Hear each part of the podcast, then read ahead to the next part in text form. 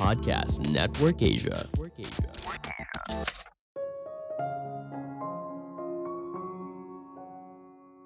Sesuatu yang terlihat baik belum tentu kenyataannya seperti itu. Halo semuanya, nama saya Michael. Selamat datang di podcast saya, Sikutu Buku. Kali ini saya akan bahas kisah Barry Minkow, penipu ulung paling terkenal dalam sejarah. Pada tahun 1980-an, Barry dianggap sebagai anak ajaib. Saat usianya 16 tahun, dia mendirikan The Best, sebuah perusahaan pembersih karpet dari garasi rumah orang tuanya di California. Perusahaannya berkembang pesat dan pada tahun 1986, perusahaannya melantai ke bursa saham dengan nilai valuasi mencapai 100 juta dolar atau setara dengan 1,4 triliun rupiah. Namun semua itu adalah kebohongan besar dan merupakan skema Ponzi raksasa.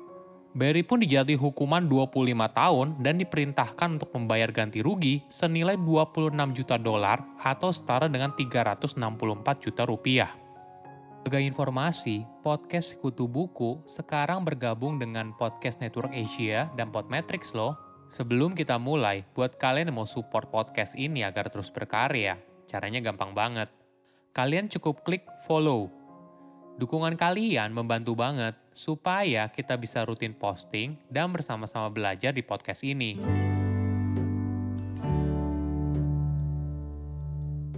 Barry Minkow lahir pada tahun 1966 di California. Dia dibesarkan dalam keluarga kelas menengah.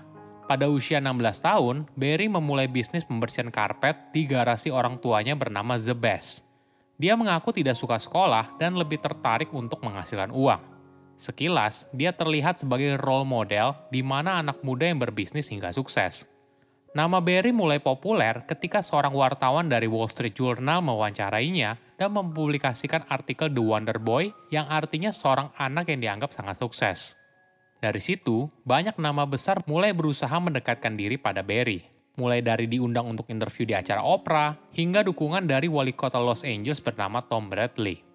Namun kenyataannya justru berbeda. Dia tidak pernah menjalankan bisnis yang menguntungkan.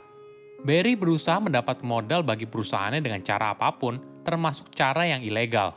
Misalnya, dia menciptakan perampokan bisnisnya sendiri untuk mendapatkan uang asuransi.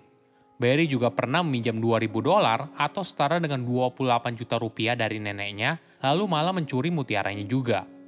Saat dia butuh uang di tahun 1984, dia memalsukan wesel senilai 13.000 dolar atau setara dengan 182 juta rupiah.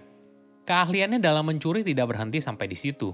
Pada tahun 1985, Barry membuat akun bisnis di bank agar dia bisa menerima pembayaran kartu kredit. Selama beberapa tahun berikutnya, setiap kali Barry membutuhkan uang, dia akan menambahkan tagihan palsu ke rekening kartu kredit pelanggannya dan menerima uang tunai dari bank. Jika ada pelanggan yang mengeluh, Barry lalu menyalahkan pemalsuan tersebut pada karyawan tidak jujur, membayar ganti rugi, dan tetap melanjutkan perbuatan ilegalnya. Ketika dia tidak mencuri uang secara langsung, Barry bersama para rekannya berusaha membesarkan bisnis The Best dengan cara yang ilegal. Dia mendirikan Interstate Appraisal Services, sebuah perusahaan palsu yang bertugas untuk memverifikasi transaksi bisnis dari The Best. Barry mempunyai pribadi yang karismatik, sehingga banyak orang yang tertipu oleh penampilannya yang mempesona. Kali ini, dia punya mimpi yang lebih besar lagi, yaitu membawa The Best untuk melantai di bursa Wall Street. Barry bahkan berhasil meyakinkan perusahaan akuntan publik besar bernama Ernest Winey kalau bisnisnya sah dan legal.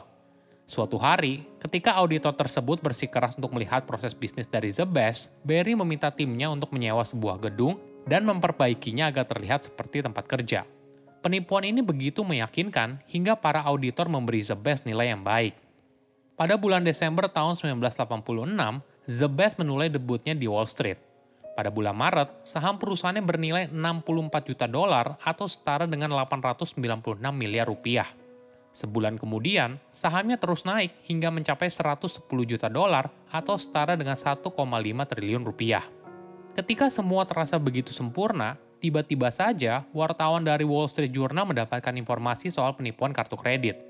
Setelah investigasi panjang, akhirnya muncul sebuah artikel yang berisi bagaimana Barry menjalankan praktik bisnis ilegal. Keesokan harinya, saham The Best langsung turun tajam hingga 28%. Pada saat penipuan sepenuhnya terungkap, investor telah kehilangan lebih dari 100 juta dolar atau setara dengan 1,4 triliun rupiah. Pada bulan Desember 1988, Berry dinyatakan bersalah atas 57 tuduhan penipuan dan dijatuhi hukuman 25 tahun penjara. Kisah Berry tidak berhenti sampai di situ. Pada tahun 1995, dia bebas bersyarat karena sudah menjalani sepertiga dari total masa tahanannya. Ini momen hidupnya terlihat menuju ke arah yang lebih baik. Banyak orang mendatangi Berry untuk meminta saran soal investasi yang akan mereka jalani, apakah penipuan atau tidak. Seringkali dia mendengar berbagai skema investasi yang tidak masuk akal dengan imbal hasil yang terlalu tinggi. Jika bertemu hal tersebut, Berry lalu berpura-pura menjadi investor, mengumpulkan bukti, lalu mengirimkan laporan lengkap kepada kontaknya di Badan Investigasi FBI dan komisi yang mengawasi pasar saham dan bursa efek bernama SEC. Sebagai mantan penipu ulung, Berry punya intuisi yang baik soal skema investasi bodong. FBI dan SEC sangat berterima kasih atas kontribusi yang telah dilakukannya. Pada tahun 2001, Berry mendirikan perusahaan bernama Fraud Discovery Institute. Awalnya semua berjalan lancar, Hingga pada akhir tahun 2005, dia berhasil mengungkap setidaknya 13 skema Ponzi senilai jutaan dolar atau setara dengan puluhan miliar rupiah. Ibaratnya, kamu butuh mantan pencuri untuk mengungkap sebuah pencurian. Setahun berikutnya, Berry mulai menyasar perusahaan dengan model bisnis MLM atau multi-level marketing. Berry membuat laporan untuk menyerang usaha health sciences, Herbalife, dan sebagainya. Bukan hanya laporan kepada FBI dan SEC, Berry juga gencar menyebarkan laporannya kepada media. Walaupun laporannya tidak terbukti, berbagai perusahaan MLM itu akhirnya membayar Berry sejumlah uang untuk menyelesaikan sengketa tersebut. Dia semakin yakin kalau cara seperti ini berhasil untuk memeras berbagai perusahaan publik karena takut harganya semakin anjlok akibat pemberitaan yang buruk. Bukan cuma uang menyelesaikannya saja, Berry juga melakukan manipulasi harga saham sehingga mendapat keuntungan ketika sahamnya turun. Pada tahun 2008, Berry mulai mengincar perusahaan yang berada dalam 500 perusahaan terbesar di Amerika Serikat. Seorang pengusaha dari San Diego mengaku kalau developer besar bernama Lennar Corporation menipunya terkait dua proyek pembangunan. Berry dan kliennya bahkan mengirimkan surat ancaman untuk mempublikasikan skandal direkturnya apabila mereka tidak bersedia membayar ganti rugi. Kali ini, Berry gagal. Lennar tidak bersedia membayar ganti rugi, Hingga akhirnya pada tahun 2011, Berry kembali dihukum karena penipuan dan dijatuhi hukuman 5 tahun penjara.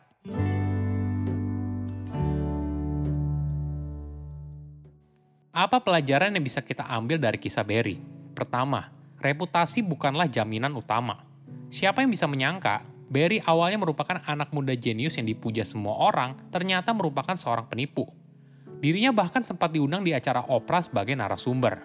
Reputasi ibaratnya pedang bermata dua. Di satu sisi, memberikan kita rasa aman, tapi di sisi lain, ternyata ada kebenaran yang tersembunyi di balik reputasinya yang cemerlang. Kedua, karakter seseorang sangatlah penting. Barry pertama kali masuk penjara pada akhir 1980-an setelah mengaku sebagai pendiri dan pemilik operasi pembersihan karpet yang berkembang pesat bernama The Best. Mungkin di situlah dia belajar bagaimana cara berbohong yang meyakinkan. Berry berusaha menyampaikan fakta kebenaran di awal, barulah selanjutnya mencampurkan dengan kebohongan agar sulit diverifikasi kebenarannya. Misalnya, Berry mengklaim memiliki bisnis pembersihan karpet. Memang benar bisnis tersebut ada hingga memiliki ribuan karyawan. Namun ternyata, semua itu hanyalah topeng untuk menutupi kebohongan yang lebih besar. Ketiga, sepandai-pandainya tupai melompat, pasti akan jatuh juga. Kisah Berry di awal sebagai anak muda yang sukses dari sebuah perusahaan pembersih karpet merupakan cerita yang luar biasa. Banyak orang mudah sekali tertipu dengan kisahnya. Sehebat apa pun Berry menyembunyikan semua keburukannya, pada akhirnya akan ketahuan. Reputasi yang baik belum tentu menjamin karakter seorang yang baik. Kadang, di balik reputasi yang baik, tersimpan kebenaran yang mencengangkan. Saya undur diri, jangan lupa follow podcast Sikutu Buku. Bye-bye. Halo teman-teman pendengar Sikutu Buku. Podcast Sikutu Buku memang sangat menarik ya. Saya Hendro, dan kalau kamu tertarik mengetahui tentang mitologi Yunani dan kisah-kisah menarik lainnya, kamu bisa mendengarkan podcast Mitologi Santuy. Yuk mampir ke podcast Mitologi Santuy, sampai ketemu. Pandangan dan opini yang disampaikan oleh kreator podcast, host, dan tamu tidak mencerminkan kebijakan resmi dan bagian dari podcast Network Asia. Setiap konten yang disampaikan mereka di dalam podcast adalah opini mereka sendiri dan tidak bermaksud untuk merugikan agama, grup etnik, perkumpulan, organisasi, perusahaan, perorangan, atau siapa pun dan apa pun.